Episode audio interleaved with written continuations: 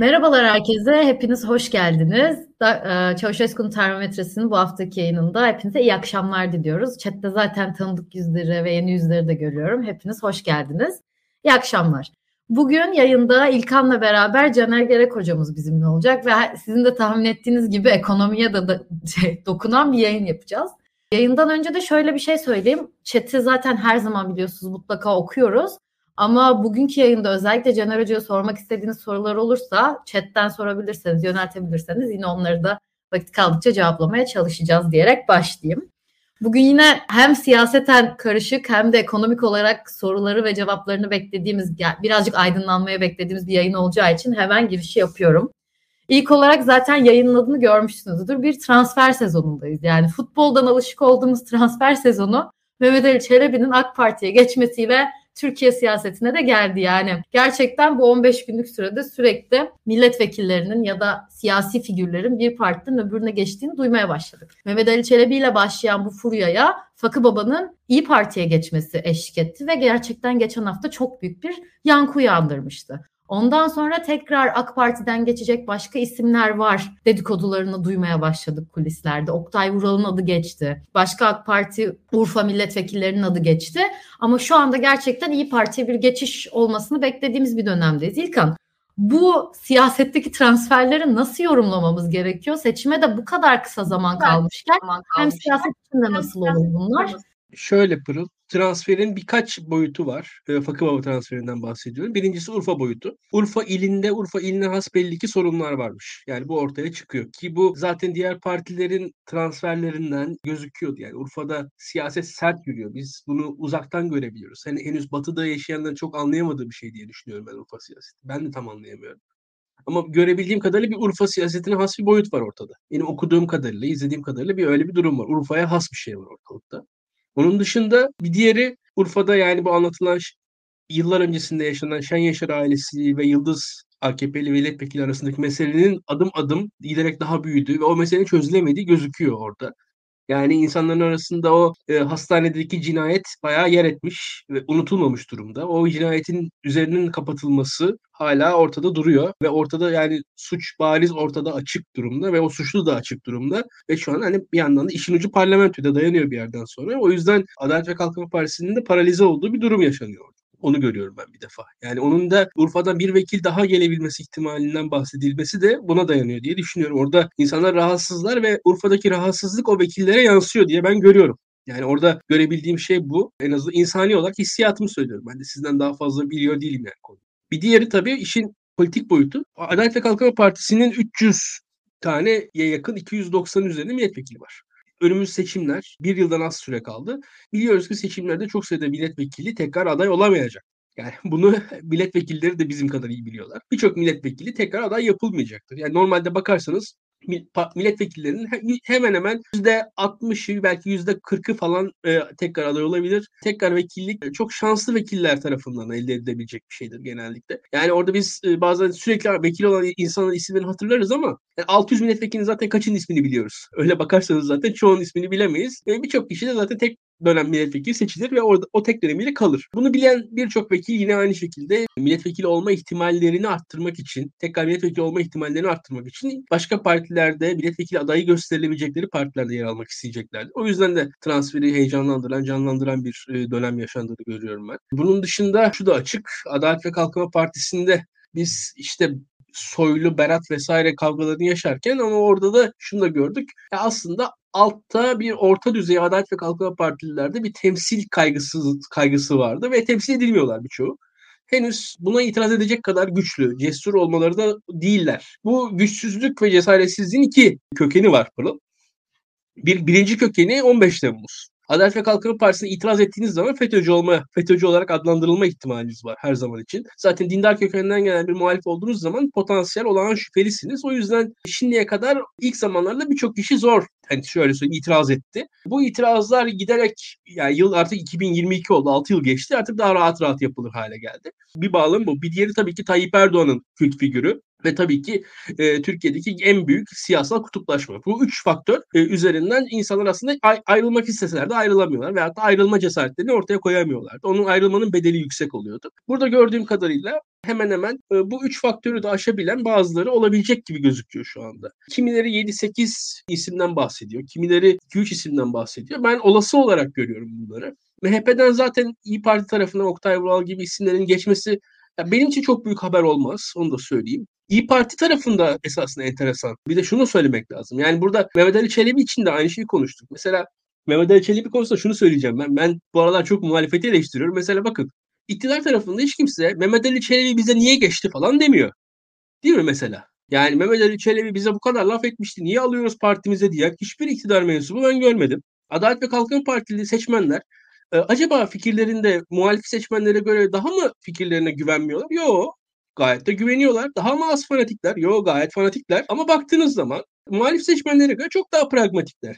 Yani gelene gayet kapıları açık elleri açık bekliyorlar ya hiçbir şekilde hiç kimse itiraz bile etmiyor. Ya Fakı Baba'nın transferinde bile mesela düşünün iki figür arasındaki tartışmayı hani mukayeseye bakın. Fakı Baba'nın transferinde bile ciddi bir şekilde eleştiri geldi. Bu da aslında muhalif seçmen psikolojisi ile iktidar seçmeni psikolojisinin ne kadar farklılaştığını da gösteren bir şey. Buna da ben hep dikkat ediyorum. Yani burada aslında muhalefetin kimi kartları oynamadığını, kimi oyunu oyunu eşit olarak oynamadığını iktidarla gö- gösteren bir süreçti bence. Ben biraz o taraflarına bakıyorum bu şeyleri bu süreçleri. Dediğim gibi ben transferlerin devam edeceğini bekliyorum. Burada tabii burada bir soru daha bence önemli bir Deva Partisi var, bir Gelecek Partisi var. Bu partiler e, kuruldukları zaman aslında biz umduk ki milletvekilleri geçsin, geçeceklerdi, geçmektelerdi falan diye. Hiçbiri olmadı. Partilerin güçsüzlükleri, bu partilerin hem yavaşlıkları hem ataletleri hem de oy toplayamamış olmaları aslında aksine %10'luk bir oyu en azından garanti gözüken, belki 15 olacak, belki 18'lere çıkabilecek olduğu gözüken bir İyi Parti'nin daha iyi bir alternatif olarak ortaya çıkmasını sağladı. Adalet ve Kalkınma Partisi'nden vazgeçebilecek vekillerin adına, vekillerin önüne diye düşünüyorum ben. Bu da aslında e, yani mesela Fakı Baba bugün Deva Partisi'ne değil, Gelecek Partisi'ne değil de İyi Parti'ye geçmişse bence Deva ve Gelecek de kendisini sorgulamalı.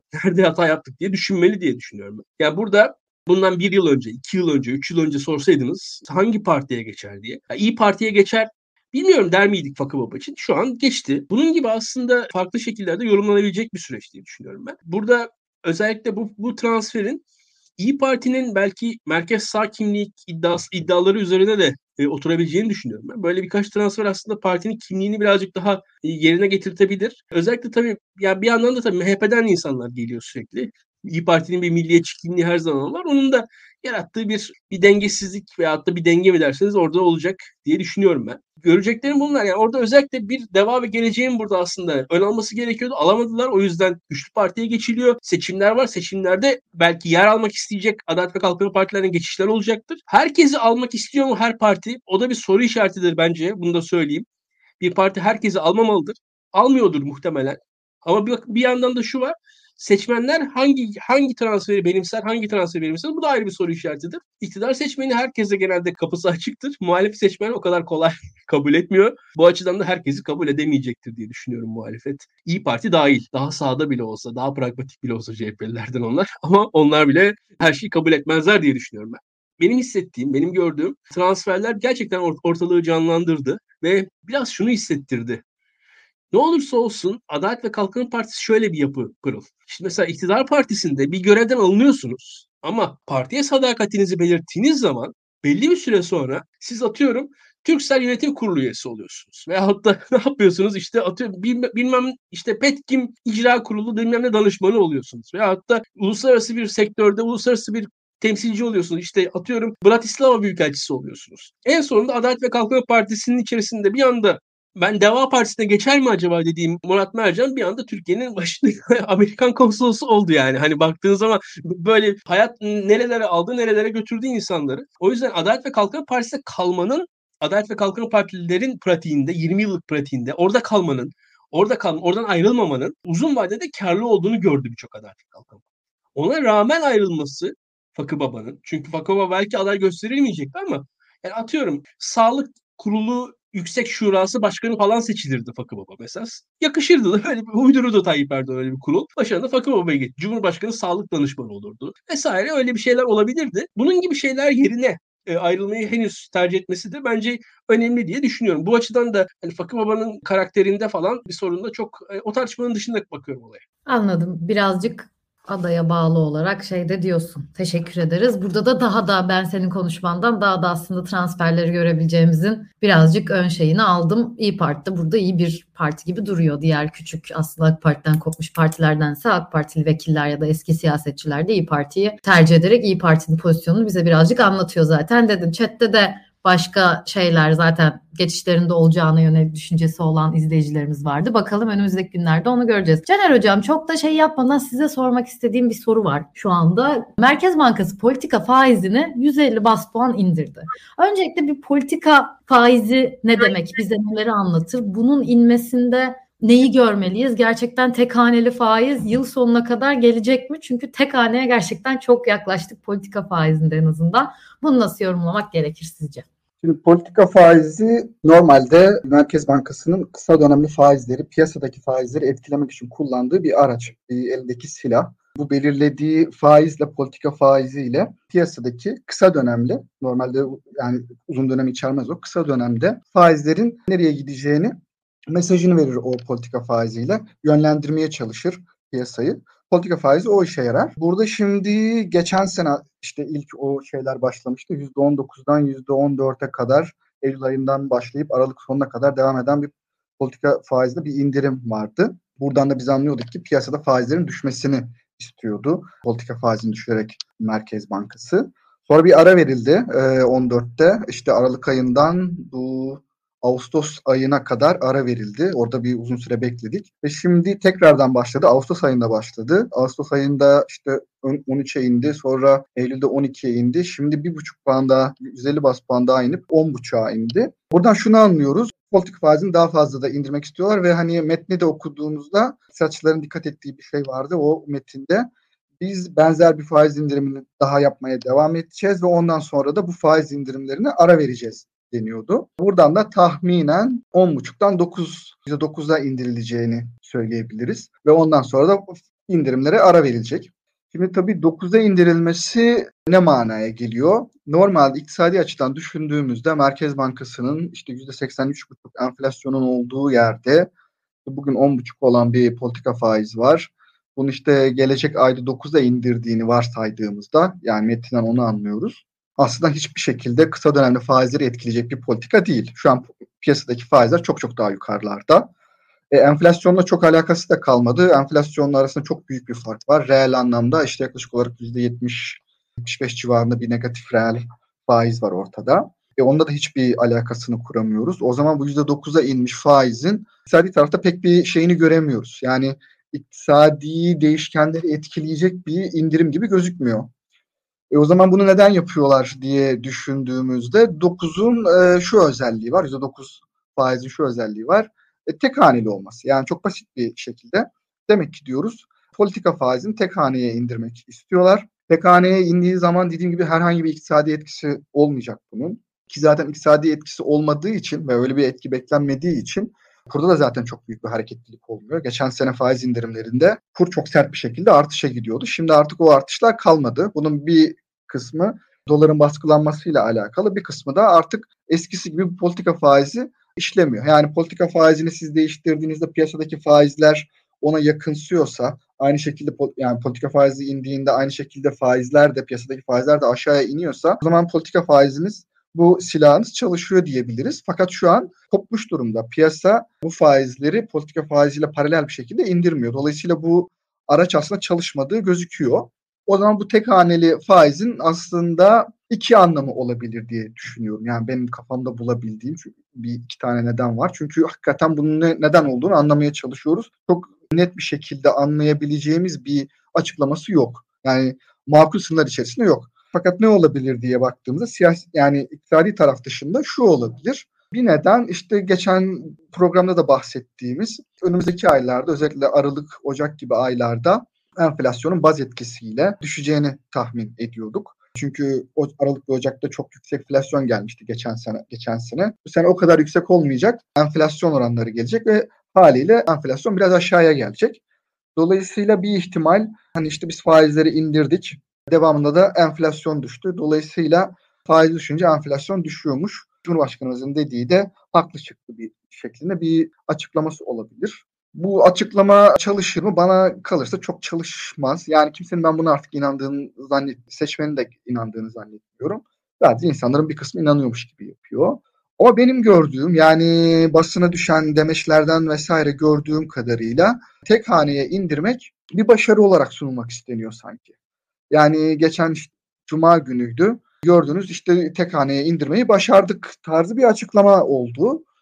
Yani şimdi bu piyasada oluşan bir faiz değil, politika faizi. Sizin iki dudağınızın arasında olan, sizin söyleyince inen ama hani piyasayı etkilemeyen, orada pek bir işe de yaramayan bir, bir şey indirim. Dolayısıyla burada bir başarı yok. Yani bunu isterseniz sıfıra da indirebilirsiniz. Fakat bunu işte bu şekilde indirdiğiniz zaman diğer göstergeler e, ne olacak? Mesela aslında tam orada. Yani okey burayı indirebilirsiniz çünkü burası sizin kontrolünüz altında. Yani Merkez Bankası'nın vereceği kararı siz kendiniz kontrol edebilirsiniz. Fakat o kararın diğer ekonomik göstergelere etkileri var. O tarafı siz kontrol edemiyorsunuz. O piyasaya bırakıyorsunuz. Piyasa, daha doğrusu piyasaya bırakmanız gerekiyor. Piyasa tarafı onun kararını verecek. O göstergelere bakıldığında aslında bu yaptığınız indirimin çok büyük negatif sonuçları olduğunu görüyoruz. Benim birkaç ay önce yazdığım Daktilo'da bir yazı vardı. Orada bir şey anlatmıştım, bir hikaye anlatmıştım. Hindistan'daki zehirli kobra yılanlarıyla alakalı. Hikaye şöyleydi. Hindistan İngiltere sömürüsü olduğu dönemde Yeni Delhi'de şehir şehir merkezinde falan çok sayıda yılan var e, ve bu yılanlar ins- insanı sokaraktan zehirliyorlar ve insanlar bundan ölüyor. Delhi'deki yönetimde diyor ki biz bunu önlemek için bir çözüm üretelim. Ne yapalım? İşte her getirilen e, yılan için insanlara para verelim. Hedef olarak bunu koyuyorlar. Dolayısıyla ne kadar çok şey gelirse, yılan getirirse, ölü yılan getirilirse o kadar başarılı olacak bizim politikamız diye düşünüyorlar. Ee, ve insanlara ödül veriyorlar. İnsanlar da yılan öldürdükçe geliyorlar, getiriyorlar, işte parasını alıyorlar. Bu işten kazançlı çıkıyorlar. Sonra insanlar şunu düşünmeye başlıyor. Diyor ki ya biz madem böyle götürdükçe, yılanı öldürdükçe para kazanıyoruz. Biz o zaman yılan beslemeye başlayalım diyorlar. Yılan besliyorlar ve e, yılanı besledikten sonra öldürüyorlar. Sonra da yönetime götürüp bunun parasını alıyorlar. Sonra tabii çok sayı, sayıda yılan yetiştirilmeye başlandığı için sürekli de işte böyle e, yönetime şey götürüyorlar. Ö, öldürülmüş kobra yılanları götürüyorlar. Ve yönetim bunu fark ediyor ki bu iş başka bir yere gitmiş. Ve sonunda da şeyi iptal ediyorlar. Ödül iptal ediyorlar. Biz artık bu ödülü vermeyeceğiz diyorlar. Bu sefer de insanlar işte bu yetiştirdikleri kobraları şehir merkezine tekrardan bırakıyorlar ve şehirde eskisine göre çok daha fazla zehirli kobra yılanı var. Dolayısıyla çok daha şehir tehlikeli hale gelmiş durumda. Ve buradan e, çıkartılan bir sonuç vardı. O sonuç da şuydu. Siz bir hedefe sadece bir hedefe odaklandığınız zaman o ölçüm niteliğini yitirmeye başlıyor. Yani o örnekte siz tamamen yılanları öldürülsün diye baktığınızda ve bunu bize getirilsin ve kaç tane yılan ölüyorsa bizim için o kadar başarı diye baktığınızda ve diğer tüm etkenleri, diğer tüm onun negatif etkilerini göz ardı ettiğinizde bu aslında bir yerden sonra başarı niteliğini kaybediyor. Şimdi burada da benzer bir hikaye var. Ben bunu büyüme üzerine anlatmıştım ama faiz bence şu an daha iyi oturuyor. Burada bir saplantı halinde faizin daha düşük e, tutulması e, şeyi var hedefi var. Ve bu hedefe odaklandıkları için tamamen bunu indirmek istiyorlar. Çünkü bunu indirdiklerinde ekonomi büyüyeceğini düşünüyorlar. Ekonomi büyüyeceği gibi aslında tam istediği gibi büyüyecek bunlar. Biz ekonomide büyüme iki türlü e, büyüme olarak bakıyoruz. İyi büyüme, kötü büyüme. İyi büyümeler daha ziyade verimlilik artışıyla olur. Siz işte teknoloji getirirsiniz, teknolojiye yatırım yaparsınız ve o sayede daha fazla üretmeye başlarsınız. Bir de kötü büyüme dediğimiz büyüme vardır. İşte kredi verirsiniz, tüketimi arttırırsınız, işte nüfusu arttırırsınız. Daha bu şekilde daha fazla tüketim olur, ekonomi büyür falan. Şimdi ve rant dağıtırsınız, e, inşaat yaparsınız. E, bu şekilde de ekonomi büyüyebiliyor. Bu kötü bir ekonomik büyüme. Dolayısıyla siz faiz silahını bu şekilde kullandığınız zaman da kötü büyümeyi destekliyorsunuz ki bu kötü büyümede de e, birilerine de rant sağlıyorsunuz. Dolayısıyla böyle bu hedefe odaklanılmış durumda. Bu hedef faiz hedefi düşük olacak ve bunu düşürmek için daha doğrusu düşürmek için değil bunu istedikleri gibi düşürüyorlar. Bunu düşürme pahasına da diğer geriye kalan tüm göstergelerin hepsini de berbat ediyorlar. Ve sonucunda da evet yani elimizde bir e, tek haneli bir faiz olmak üzere şu an 10.5 ama 9'a inecek gibi duruyor. Veya işte tek hane 9.5-9 o civarlara. Bunu indirdiniz ama diğer tüm gö- ekonomik göstergeleri şu an mahvetmiş durumdasınız ve onları da makyajlamaya çalışıyorlar. Bu şekilde bir durum var. Dolayısıyla yani toparlayacak olursam çok uzatmış oldum. Faiz indirimleri devam ediyor Fakat bu faiz indirimlerinin iktisadi tarafta herhangi bir karşılığı hemen hemen yok. Bankalar tarafında var onu geçmeyeyim. Bankalar artık daha ucuza borçlanabiliyorlar KKM tarafında. Fakat bunu bankaların hani çok çok daha ucuza borçlanması için yapılmış bir politika olduğunu zannetmiyorum. Ama orada bir yine de bankalara bir kıyak var. Asıl amacım daha ziyade hani biz tek haneye indirdik bu bir başarıdır. Ve bu da aslında işte faiz enflasyonun nedenidir önermesini de doğrulayan bir önermiş gibi göstermek isteniyor. O nedenle faiz indirimleri devam ediyor ve gelecek ayda devam edecek gibi gözüküyor. Ya İlkan, Caner hocamız ağzınıza sağlık hocam. Yani çok da şey anlattı. Bu faiz indirimlerinin ekonomide bir pozitif katkısı yok. Aslında pozitif bir göstergesi yok. Aksine negatif etkileri olacak gerçekten piyasalara baktığımız zaman. Ama inatla da bir faiz indirimine devam ediliyor. Bunun da zaten politik sebeplerden ya da yıllardır sürdürdükleri faizin düşmesi gerektiği hatta sıfır olması gerektiği söylemlerinden olduğunu anlıyoruz. Ama bu ekonomiye katkı sağlamıyorken hala bu inada devam ettirilmesi iç politikada ya da dış politikada sence nasıl bir katkı ya da fayda sağlıyor? Yani çünkü şeyi de birazcık değerlendirelim. Dış politikayı değerlendirirken bakın Putin de düşürüyor. Hatta aradı beni of çok iyiymiş faiz düşürmek dedi falan gibi söylemleri de duyuyoruz. Dış politika ayağında hani böyle liderim izleniyorum gibi bir imaj sunmasına mı fayda sağlıyor? İç politikada gerçekten hani bu faize karşı olan kitlenin faiz düştükçe ilgisini mi çekiyor? Neden yapıyor bu işleri siyasi olarak baktığımız zaman? Çok güzel bir şekilde bitirdin sorunu açıkçası. Siyasi olarak bakıyor Tayyip Erdoğan. Tayyip Erdoğan siyasetçi bir defa. Birincisi ben şimdi Caner'in anlattığı nispeten daha ortodoks, daha böyle akıl başında, benim kendimi çok daha yakın hissettiğim ekonomi yorumunun dışında Tayyip Erdoğan'ın bir ekonomi yorumu var. Bu yorumun doğru olduğuna inanıyor. Yani şöyle söyleyeyim. Şimdi Caner mesela Caner hocamız faiz indiriminin etkilerini A, B, C, D, E diye sıralıyor arkasından. Biz de bunları diyoruz ki evet şu oldu, bundan dolayı bu oldu falan. Şimdi bu bizim kurduğumuz illiyet bağları iktidar tarafından kuruluyor ve kabul ediliyor durumda değil bir defa yani onu görmek lazım. Benim gördüğüm kadarıyla. Yani burada bu heterodoks tartışması çok güzel. Sayın yorumcu da söylemiş izleyicimiz. Karşı tarafta farklı bir düşünme tarzı var ve yani şöyle söyleyeyim. Yağmurun sebebi nedir? Yani işte atıyorum ya da depremin sebebi nedir? Fay hatları mı, tanrıları kızdırmanız mı? İkisi de olabilir. Baktığınız zaman bir sebep ikisinden bir tanesi doğru. Yani hangisi doğru? Bin, yani şu anda işte yerin altına işte bilmem kaç kilometre inip baktık mı hepsi her yere baktık mı? Her, tüm fay hatlarını tek tek inceledik mi? Bilmiyoruz aslında yani bakarsanız. O da bir sonuçta teori de diyebilirsiniz. Ama bir yandan da bir yorum ortaya koyabilirsiniz. Yani şu var işte atıyorum bir işte şu kapağı şuradan bıraktığınız zaman yere düşüyor. Veyahut da gök bunu aşağı doğru itiyor. İkisi de birer açıklamadır. Şimdi iktidarın Türkiye'de olan bitenlere dair açıklaması Caner Gereğin yaptığı açıklamadan farklı. Yani biz işte %80-100 enflasyonla biz mahvolduğumuzu düşünüyoruz. Çok doğru. Ee, bu zaten bir fact açıkçası tartışılır bir şey değil.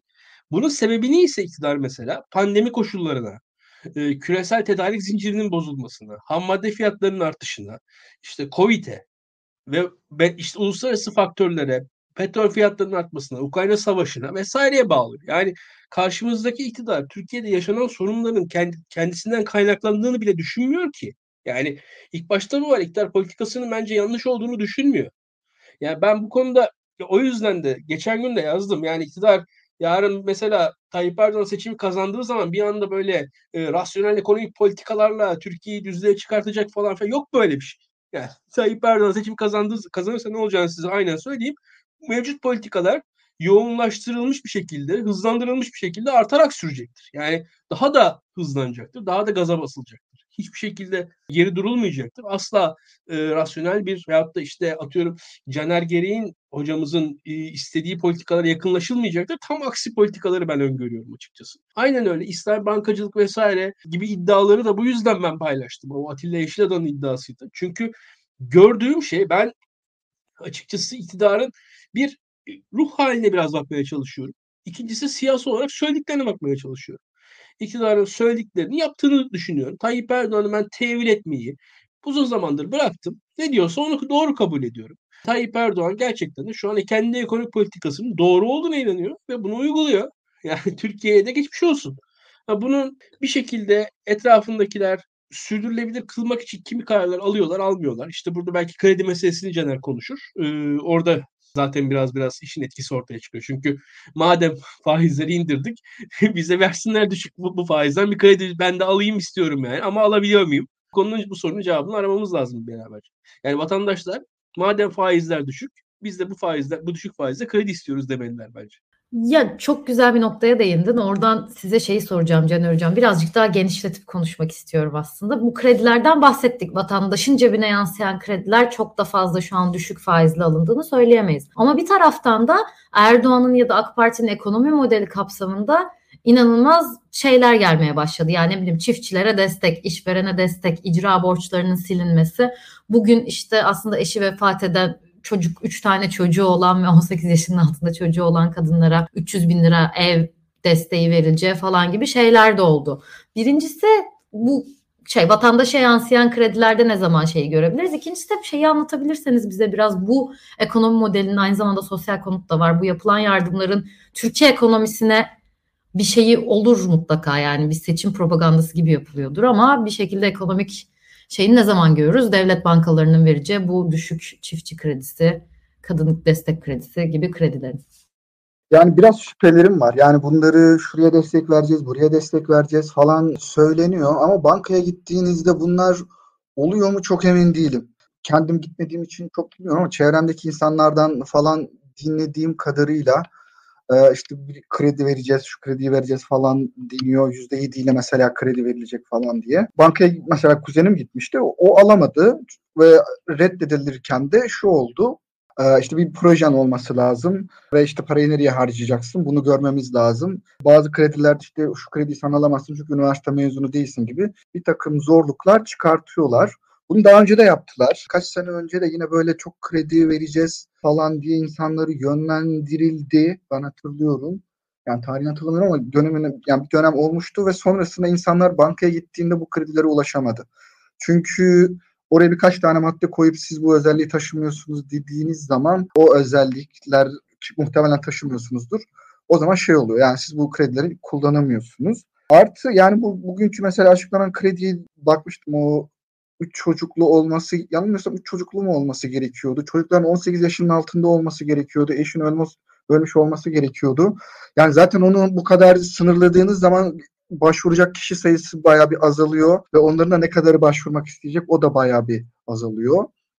Dolayısıyla sanki biraz daha böyle bol bol, bol dağıtıyoruz bir şeyleri söylemi var ama hani bunun bir kısmının ben gerçekçi olduğunu düşünmüyorum. Daha doğrusu görmüyorum. Yani pratikte bunun gerçekleştiğini görmüyorum. E, tam sosyal, sosyal konut projeleri var ama onu hemen bugün yapmayacaklar. Ne kadar sürede bitecek onu da bilmiyoruz. Çünkü o kolay bir proje değil.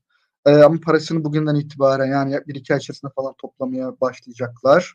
Dolayısıyla onun da kısa dönemde çok büyük bir etkisinin olacağını zannetmiyorum. Kredilere mesela konut kredilerinin çoğuna ulaşılamıyor. Mesela benim annem evini satmaya çalışıyordu birkaç bir ay oldu mu bir, bir iki aydır falan uğraşıyor satamıyor çünkü kim böyle ev almak istese e, tamam okey bir anlaşıyorlar sonrasında gidiyor karşıdaki taraf bankadan red diyor. Bankalar sürekli kredi tarafında red veriyorlar. O, o tarafta da böyle çok kredi şey olmuyor. Perşembe gününden sonra Cuma günü açıklanan e, bir BDDK düzenlemesi var. Merkez Bankası bir düzenleme yaptı. BDDK başka bir düzenleme. Onlar mesela kredileri kullanacakları kişileri de kişileri ve firmaları daha doğrusu firmaları sınırlamaya başladılar. İşte daha önce 15 milyon TL üzeri e, dövizi bulunanlar diye bir sınırlama getirmişlerdi. Onlar kredi kullanamayacak diye. Şimdi onu 10 milyon TL'ye indirdiler. Bundan önceki şeylerde de yine kredi kullanımını e, kısıtlayıcı önlemler almışlardı. Yani sanki şöyle bir e, çelişki var gibi ortamda e, ki bunu siyasi tarafla açıklayabiliyoruz. Yani okey faizleri indiriyorsunuz ama bu faizleri indirdiğinizde bu insanlar krediye ulaşamıyorlar. Dolayısıyla bunu işten ne anladık? Niye o zaman indiriyorsunuz gibi bir durum oluşuyor. Demek ki işte iktisadi tarafta bir nedeni yok. Yani bunun daha çok siyasi tarafta bir nedeni var. Yine buna ekleyebileceğim yani ben böyle AK Parti'ye yakın firmalardan duyduğum krediye ulaşamayanlar da var. Yani şu olmasını beklerdim. Bu kısmen oluyordur ama nasıl oluyor şu an hala çözebilmiş değilim. Bu krediler ucuz. Kamu tarafında özellikle ucuz. Bu ucuz kredileri herkes almasın. Bizim istediğimiz insanlar alsın. Bize yakın olan insanlar alsın. Fakat o insan, insanlar ve şirketler alsın. Fakat o şirketlerin de bir kısmının e, ben alamadığını görüyorum. Yani o oranlardan da alamıyor. Hatta yüksek oranlardan da başvurdukları halde alamıyorlar. E, o zaman kim alıyor bu kredileri? Kime vermek istiyorlar bu kredileri? Çok orayı çözebilmiş değilim. Ama kredi tarafında böyle bir durum var. Yani kredileri öyle çok bol bol dağıtılıyor bir durum yok. Biraz şey tarafında var. Böyle esnaf kefalet tarafında falan veriliyor. Onu görüyorum. Küçük daha küçük işletmeler tarafında falan en azından birkaç öncesine kadar bayağı bir insan alabiliyordu. Oralardan alabiliyordu. Ama genel itibariyle bakıldığında bu kredilerden çok fazla insan yararlanamıyor. Projelerden çok fazla insan yararlanamıyor ve yararlanacaksa da kısa dönemde bundan e, bir fayda elde edemeyecek durumdalar. Daha böyle seçim sonrası etki edebilecek şeyler bunlar. Dolayısıyla da bu aslında biraz popülist gibi gözüken şeylerin, bu politikaların birçoğu şu an e, hani bütçeyi falan etkileyecek düzeyde bir etkisi yani o et, bütçeyi etkilemesini beklerim ama şu anda o bütçeyi etkileyecek şeyler henüz daha ortaya çıkmış değil. Onlar gerçekleşmiyor. Şu an durum öyle benim gördüğüm kadarıyla. Ya ben mesela bunun çok fazla farkında değildim. Aksine yani her gün yeni bir kesime açıklanan Halk Bankası'ndan gelecek krediler onlar bunlar. Gerçekten inanılmaz bir destek şeyine girdi gibi düşünüyordum ama çok ilginç. Dediğiniz gibi bugünkü çıkan şeyin kriterleri de yani belli bir 18 yaşının altında bir tane çocuğu olmak en az 3 tane çocuğunun olması falan filan kriterlerden Muharrem Palas sanırım yazmış. 10 kişi zaten ya da Cahit Şakar ya Cihat Şakar yazmış. 10 kişi tutturuyor herhalde bu kriterleri zaten gibi. Çok ilginç bir nokta gerçekten. Peki İlkan sana bunu bu soruyu devrederken de yani bunu evet fark ettik. Bu kriterleri tutan çok çok az insan var ama bir yerde de insanlar bu kriterleri kimsenin tutmadığını fark edip hükümete olan güvenlerini iyice kaybetmeyecekler mi? Bunun riskini alarak artık full giriyor? giriyor. Aslında şöyle bir durum var. Şimdi kredi konusu gerçekten hükümet açısından bir nasıl anlatalım? Yani saatli bomba gibi veyahut da bir yandan öyle bir şey ki hem gaza basmak istiyor krediler konusunda hem frene basmak istiyor hükümet ve bir yerden sonra insanlarla bu kredi konusunu konuşurken alamayan insanlarla şöyle biz de tartıştık geçen gün.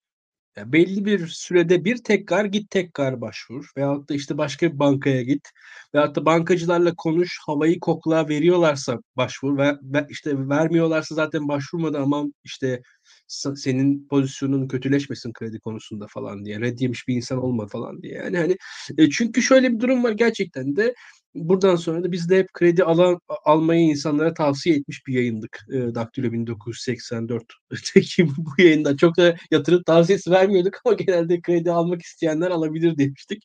Ya burada öyle bir durum vardı ki alamayanlar için de şunu düşünmüştük yani açıkçası hep şey diye aklımızdan geçiyordu. Yani alamıyorsanız da belli bir süre sonra tekrar bakmanız lazım. Çünkü son bir yılda benim izlediğim kadarıyla belli durumlarda yavaş yavaş biraz gaza basıldı. Belli durumlarda frene basıldı.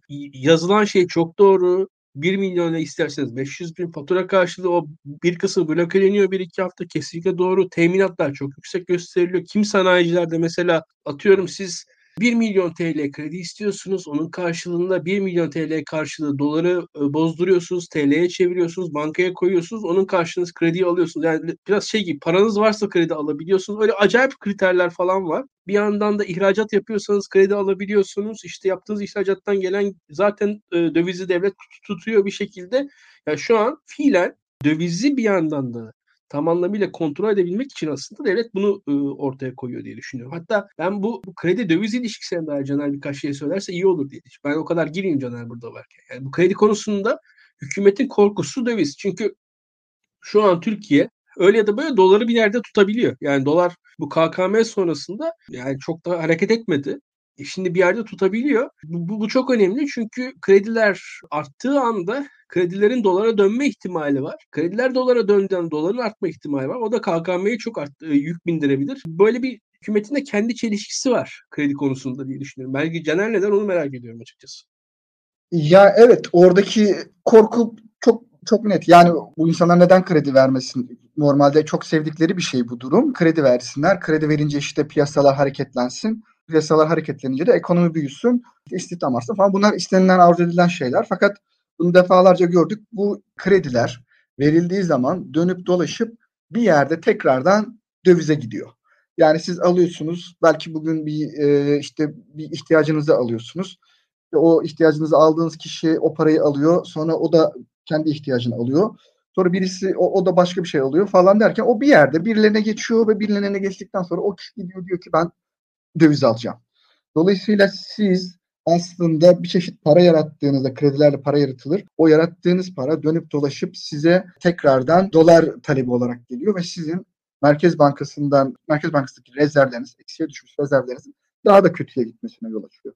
Dolayısıyla şu an ellerinde ne kadar döviz var onu bilmiyoruz. Yani Merkez Bankası'nın rezervleri belli fakat swap yoluyla vesaire dışarıdan işte bir çeşit metatransaksiyon üzerinden falan görebildiğimiz bir döviz geliyor. Fakat bunun şeffaf olmadığı için ne kadar döviz geliyor ve ne kadar ellerinde dövizle elindeki dövizle ne kadar bu doları baskılarlar onu bilemiyoruz. O nedenle muhtemelen sınırlı bir şeyleri var. E, belli bir süre yetecek kadar rezervleri vardır. Kullanacak paraları vardır. E, dolar rezervleri vardır diye tahmin ediyorum. Ve o rezervi işte belli bir süre kullanmak istiyorlar. O en azından hani şunu biliyoruz. Seçime kadar kullanmak istiyorlar. Şimdi siz kredileri bu şekilde verdiğiniz zaman ve bu krediler dönüp dolaşıp döviz talebine dönüştüğü zaman sizin elinizde e, seçime kadar doları baskılayacak e, rezerv miktarı azalıyor.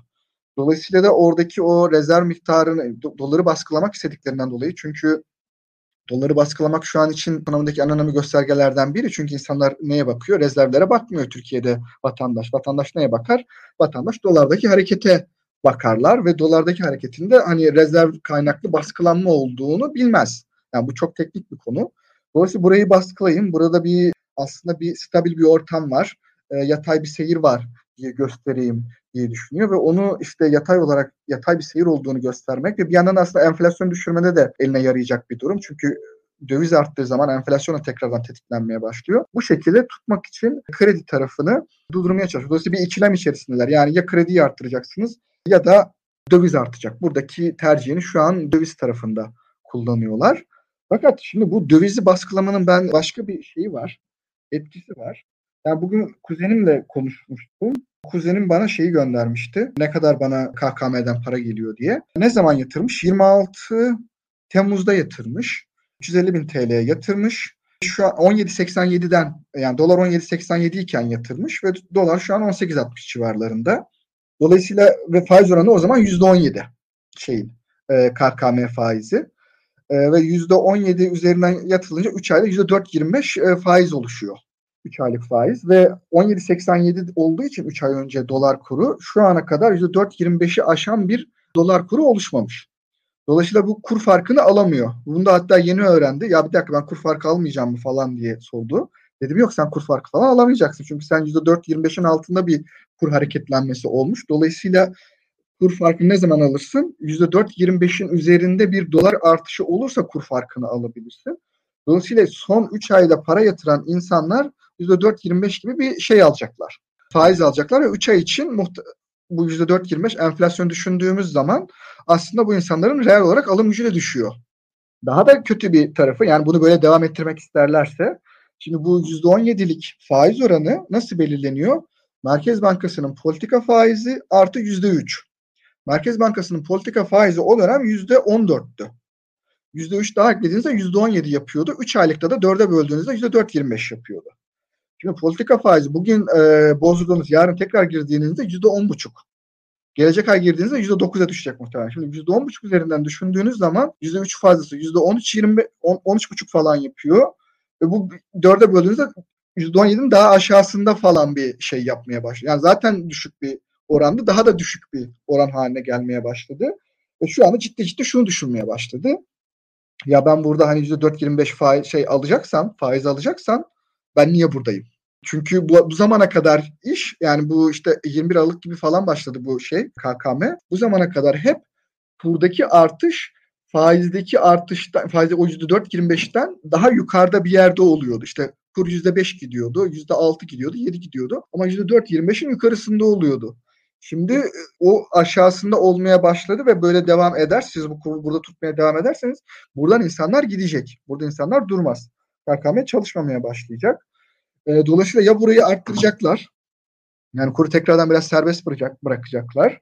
Ya da insanlar buradan yavaş yavaş ayrılmaya başlayacaklar. Buradan tabii gidecekleri yer kur olur demek istemiyorum. Çünkü kur zaten yukarı doğru gitmediği için zaten bunlar parayı alamıyorlar, yüksek gelir elde edemiyorlar. Sanki buradan borsaya doğru bir kaçış da olabilir.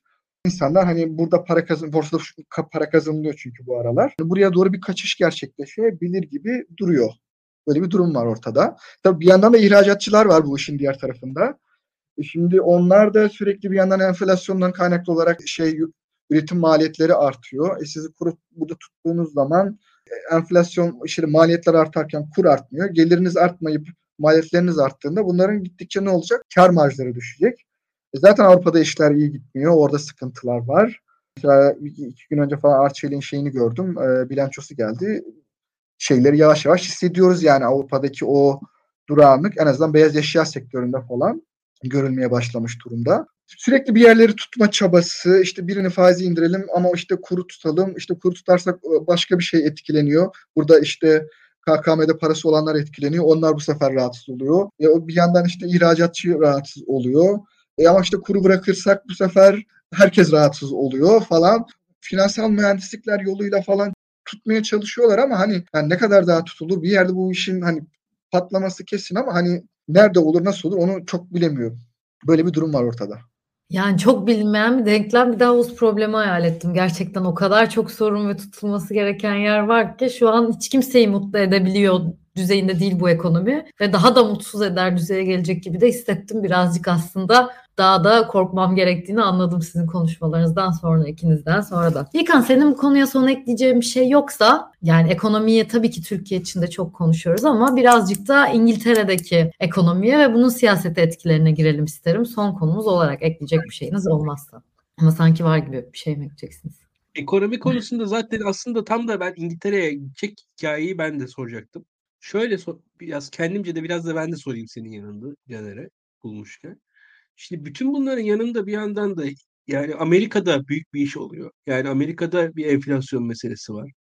Dünyada Rusya-Ukrayna e, meselesi var. Bundan dolayı işte fiyatlarda bir dalgalanmalar oldu. Ama bazı fiyatlar aslında eskisine normale döndü. Kimi fiyatlar daha iyi normalleşti, kimi fiyatlar hala yukarıda. Sen daha iyi takip ediyorsun fiyatları. E, bu uluslararası Amerika'nın yaptığı ekonomi politikası Amerika belki yavaş yavaş güçlü dolara dönmeye doğru başlıyor. Bunu görebiliyoruz. Yani o enflasyon ben ben yine siyasal yorumlayayım. Biden iktidarda kalmak istiyor. Çok net bir şekilde iktidarda kalmak istiyor. O, o hırsı görüyoruz şu anki Biden iktidarından. Ve o Amerika'da şu an siyasal mücadele çok ağır, çok sert gidiyor. Belki Yunus Emre daha ileride takip edecektir bizi. Yayınımızı izliyor mu bilmiyorum ama orada asıl Amerikan seçimlerinin çok sağlam geçeceğini tahmin ediyorum. O yüzden güçlü bir dolara Biden'ın ihtiyacı var Amerikan enflasyonuna karşı. Ama güçlü doların da tüm dünyayı salladığını görüyoruz.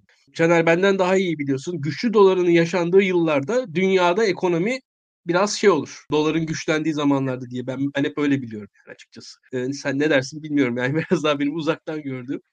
82'de olmuştu. O dönem yine bu, bu şekilde dünyayı böyle sallamıştı. Özellikle Latin Amerikan ülkeleri e, bundan bayağı bir zarar görmüştü.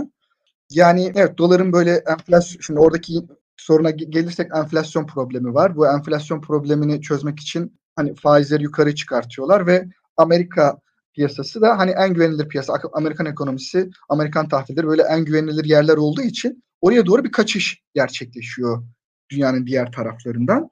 E şimdi tüm dünya hani buradan etkilendiği için de aslında böyle global çapta bir sallanma gerçekleşiyor ve hata kabul etmeyen bir durumu var. Mesela bakıyorum ben ülkelere böyle biraz daha biz gevşek para politikası uygulayalım. İşte Amerika faizi arttırıyor biz o kadar işte şey yapmayalım Amerika gibi arttırmayalım diyen ülkelerin çoğu sert tokatlar yiyorlar. Yani işte Japon yeninin bu kadar düşmesi nedenlerden bir tanesi de para politikasındaki o gevşek duruş. Yani para politikası gevşek olduğu için biraz daha böyle hani ekonomi canlı kalsın istendiğinde bu sefer de kaçışlar başlıyor. Kaçışlar başladığında da ekonomi kötü etkilenmeye başlıyor. Çünkü yerel paracı birimi kötü etkileniyor. Ve bu şu an tüm dünyada işte e, Amerikan dolarına karşı hemen hemen para bilmiyorum kazanan var mı, değer kazanan var mı ama hemen hemen hepsi herhalde değer kaybetmiş durumda. İşte İngiltere de bunlardan bir tanesi ve hani aslında herkesin problemi enflasyon. Bu enflasyonla mücadele Amerika'da ediyor, İngiltere'de ediyor. Fakat işte bu güçlü Amerikan dolarının oradaki varlığı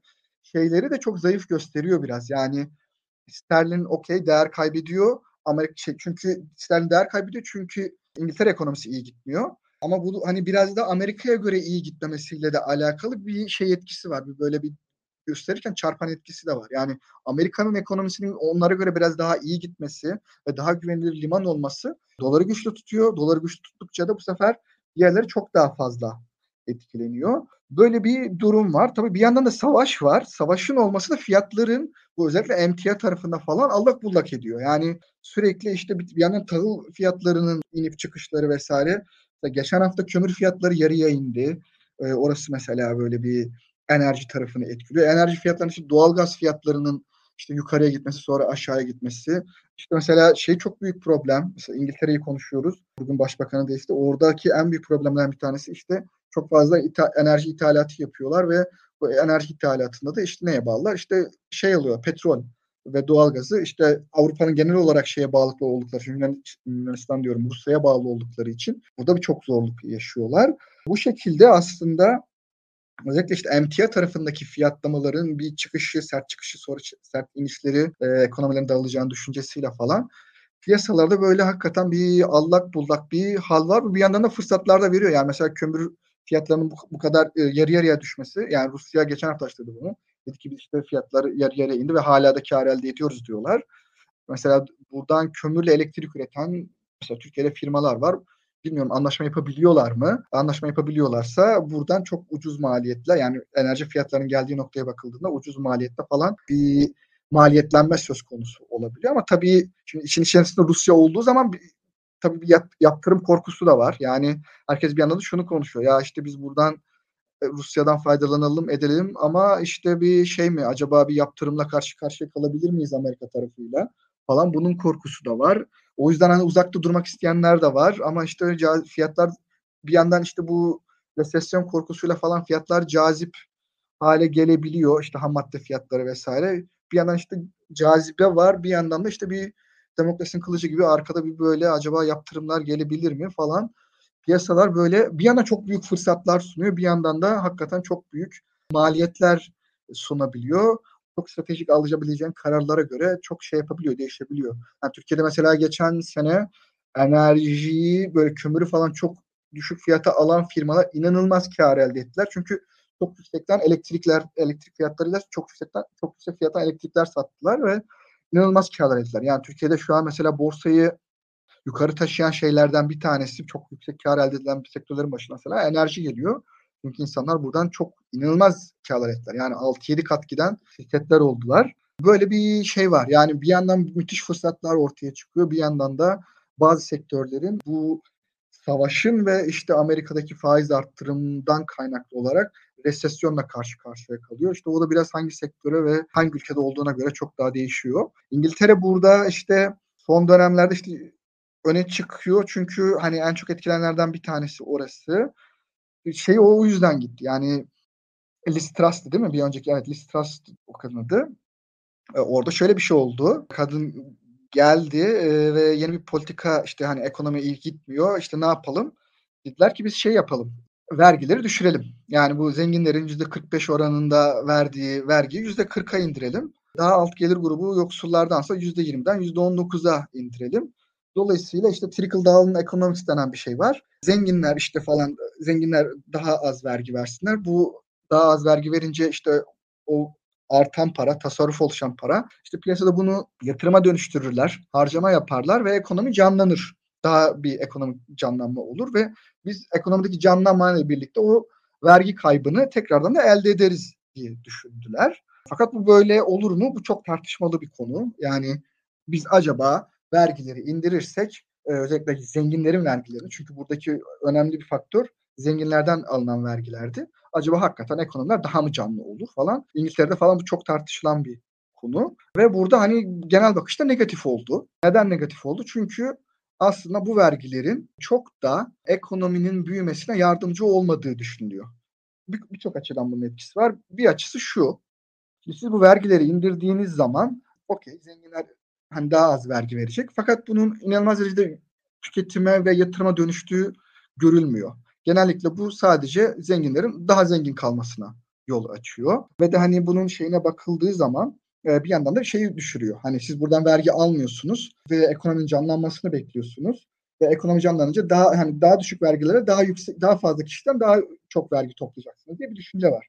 Fakat buradan genel itibariyle siz vergileri düşürdüğünüz zaman bütçe açıkları oluşmaya başlıyor. Bu aslında 1980 sonrası dönemde Thatcher ve Reagan döneminde falan uygulanan da bir politika. Yani biz vergileri düşürelim, e, ekonomi canlansın, insanlar daha çok tüketsin. Daha çok tükettikçe işte KDV falan gibi vergilerle biz daha fazla vergi toplarız. Daha düşük vergi oranlarıyla diye düşünülüyordu. Bu olmadı. Yüksek bütçe açıkları gerçekleşti. Yüksek bütçe açıklarının gerçekleşmesi daha ülkeler ülke ülkeler daha fazla borçlanmaya ve borçların daha fazla arttığı bir dönem oluşmaya başladı. Hatta şöyle de bir şey oldu. Bu bu arada şey bir şeydir. Yani liberaller böyle düşünür. Liberaller der ki ya biz işte vergileri düşürelim. Vergiler düştükçe bu insanlar, zenginler bu parayı ne yapacak? Hepsini tüketemez. Yatırım yaparlar ve yatırım işte yaptıkça da işte daha fazla üretim olur daha fazla şey olur. İnsanlar yatırım oldukça da daha fazla insan istihdam edilir vesaire diye düşündüler. Fakat IMF'in araştırması böyle olmuyor diyor. Yani IMF hani bu liberallerin de hani çok seveceği kurumlardan bir tanesi olarak diyor ki ya siz böyle yaparsanız para şeye gitmiyor, yatırıma gitmiyor, üretime gitmiyor. Böyle olan yerlerde ekonomik büyüme gerçekleşmiyor. Sürdürülebilir bir şekilde gerçekleşmiyor. Siz bir şekilde zenginlerin e, vergisini düşürmektense olabildiğince şeyleri düşürün daha yoksul ve orta gelir grubunun vergilerini düşürün. Bu insanlar daha fazla ekonomi büyümesine katkı yapacaklardır ve bunların e, vergileri düştüğünde daha sürdürülebilir bir büyüme olur diyorlar. Şimdi işte bu yüzden Listras'ın o uyguladığı, uygulamak istediği politika çok büyük tepki çekti. Çok büyük tepki çekince de işte bütçe açıkları oluşacağı ve bir yandan da enflasyon oluşacağı korkusuyla da pound çok sert bir şekilde dolara karşı değer kaybetti. E, aslında bunlar yani şeylerin İngiltere'nin problemleri bugünden daha eskiye de gidiyor. Yani önce bir Brexit yaşadılar. Brexit'te e, işte onu ortaya çıkardı. İşte Avrupa'dan Birliği'nden çıkmanın getirdiği belirsizlikler. Avrupa Birliği'yle nasıl bir ekonomik anlaşma yapacağız? Dışarıya nasıl bir anlaşma yapacağız? Burası İngiltere bir bir anlamda bir gateway'di. Yani orada şeye Avrupa Birliği'ne açılan bir kapıydı. Buradan giriyordu firmalar. Önce bir İngiltere'de bir şirket kuruyorlardı. Şirket kurduktan sonra işte şeye AB'ye mal satıyorlardı. Oradan çıkınca bunun işte bir takım negatif etkileri oldu vesaire. Orada bir darbeyi yediler. Daha sonra Covid'de bir darbe yediler. Herkes diğer ülkeler gibi. Onun da bir negatif etkileri oluştu. Şimdi de üstüne bir de bu Covid sonrası işte bir savaşın gerçekleşmesi, savaşın işte doğalgaz fiyatları üzerinden, enerji fiyatları üzerinden ve petrol fiyatları üzerinden ekonomiyi vurması. Çünkü ithalat yapıyorlar ve fiyatlar yukarı gittikçe enerji fiyatları yukarı gittikçe ekonomileri kötüye gidiyor. Bu arada bir yandan gıda fiyatları artıyor ve İngiltere'nin %50 civarında falan gıdayı ithal ediyor. Ondan da çok kötü etkileniyorlar. Çünkü insanların alım gücü düşüyor gıdaya harcadıkları şey yüzünden. Bir yandan da İngiltere'de şey de çok artıyor. Ücretler çok artıyor. Yani yayından önce şöyle bir baktım. 2008 krizinden sonra dünyanın hemen hemen şey Avrupa Birliği'ndeki ülkelerin hemen hemen hepsinde ücretler artıyor. Fakat İngiltere'de negatif bir şekilde ücretler düşmüş. Neden düşüyor? Şeyden bu Doğu blok ülkelerden çok fazla göç alıyorlar. Yani çok onun etkisi var muhtemelen. Polonya'dan, Romanya'dan falan çok fazla göç alıyor bu ülke. Ve o yüzden şey düşüyor. Bu işlerin birçoğunu bu Doğu blok ülkeleri vatandaşına Polonyalıları falan yaptırdıkça işçi maliyetleri falan düşüyor.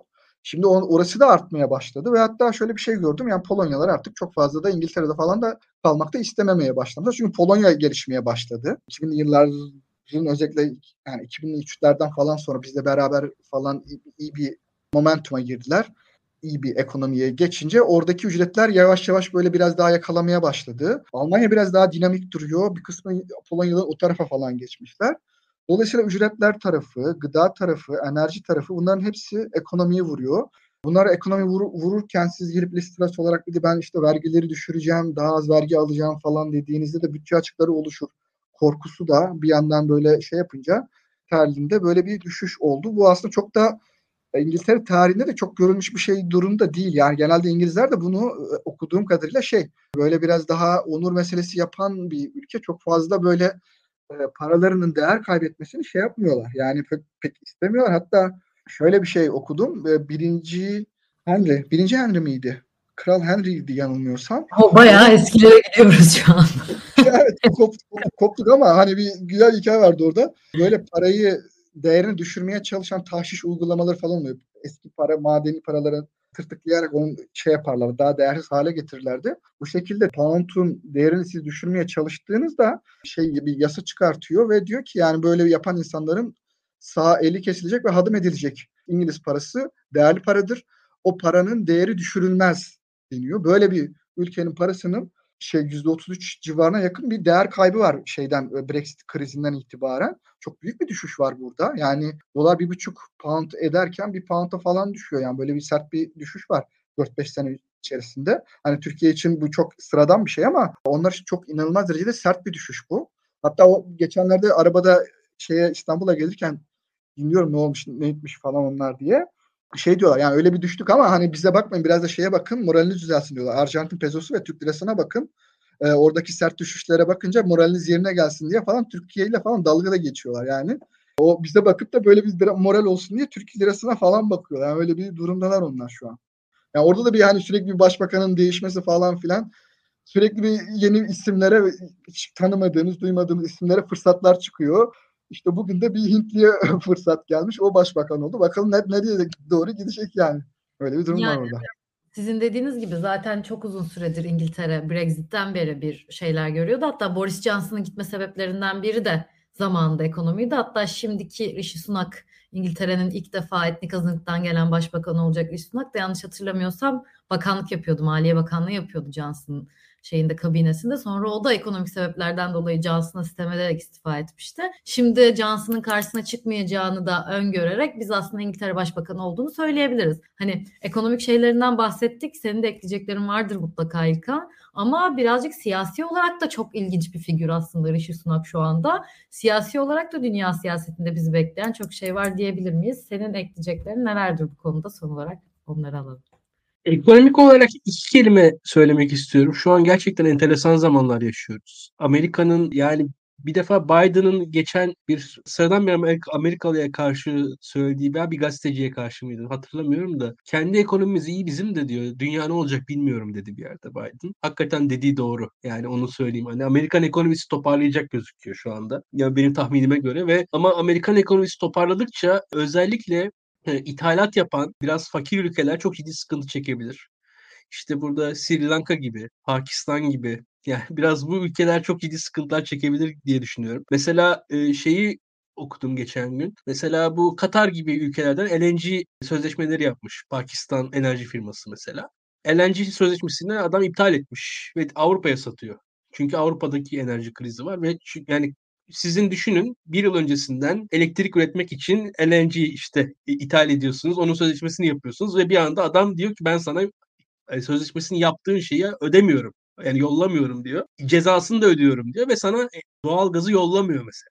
Ya şu an dünyada yaşanan bir kriz dünyanın farklı yerlerine acayip etkilerde, çok kötü etkilerde bulunuyor şu anda Pakistan gibi, Bangladeş gibi, Sri Lanka gibi, Afrika'da belki adını bilmediğimiz ülkelerde e, enteresan sorunların çıkabileceğini ben öngörüyorum. Yani şu anda hani bu kış zor geçecek falan diyoruz ya bu kış yani teknik olarak belki biz Türkiye daha dengede gibi gözüküyor. Biz hatta yani daha önceki yayınlarda çok doğalgaz sorunu yaşamayız diye demiştim ben hatırlıyorsun e, bir yayında. E, o kadar bu kış zor geçmez falan da demiştim. Ama benim o yorumum da şu anki normal şartlar altında. Yani şöyle bir savaş var ki Pırıl mesela atıyorum Karadeniz'deki doğalgaz boru hatlarında bir bozukluk olabilir mi? Ne yazık ki ihtimal dahilinde. Atıyorum yani nükleer, taktik nükleer falan bunlar bir ihtimal dahilinde artık. Öyle bir dünyadayız. O yüzden her şey her abdü şey olabilir şu an dünyada. Onu bilerek konuşmak lazım. Yani çok uzun vadeli planlar yapmamak gerekir diye düşünüyorum. Veyahut da en azından planlarımızın biraz bu şeydi. Bir ara çok kullanılan bir laftı. Şu ara unutuldu